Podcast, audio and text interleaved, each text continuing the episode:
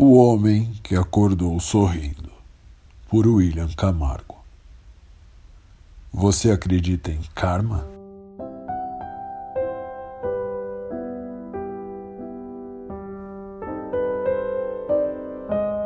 Que homem nojoso! De todas as criaturas que conheci, com certeza a mais miserável de alma. Tamanha era a falta de caráter e lábia. Com tuas palavras encantava e enganava suas vítimas por onde passou, corações partiu e amizade extraiu. Mas nem mesmo ele merecia tamanha punição. Eu ainda era um jovem residente aspirante à vida de médico. Avaliava e acompanhava atendimentos e procedimentos no hospital da faculdade. Foi quando me deparei com aquele homem. E eu já o conhecia. E como a todos que tiveram esse desprazer, eu não o suportava e, mesmo prostrado na maca, não tive pena. Ele olhava pela janela do quarto com um sorriso sarcástico a todos que passavam por ali. Os dias passaram e sempre que eu olhava para a face dele, ele estava sorrindo.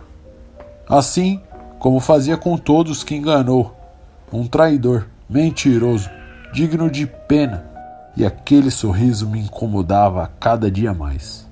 Seus delitos eram diversos. Um estelionatário enganador roubava idosos e enganava até o coração mais inocente, totalmente perdido. Certo dia, passando frente a seu quarto, não o vi. O quarto estava higienizado e vazio. Pensei que tivesse recebido alta, mas não. Ele havia falecido. Curioso como jovem que era, perguntei ao cirurgião que acompanhava o que havia acontecido com aquele homem. E meu professor atencioso explicou. Na microbiologia chamamos de Clostridium tetani.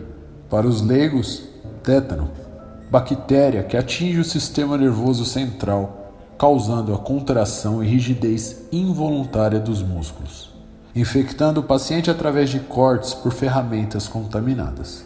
As contrações acometem principalmente a região do pescoço e rosto.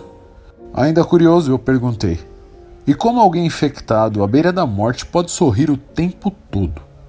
E ele continuou explicando. Em seu estado final, o tétano pode causar o sorriso sardônico, decorrente da contração involuntária dos músculos da face, esticando o rosto em uma rigidez insuportavelmente dolorosa, mantendo um sorriso involuntário no rosto do infectado. Senti pena do homem, mas meu professor ainda não havia acabado. Disse que esse paciente ainda era um mistério, pois não foi constatada a infecção, nenhum corte ou lesão.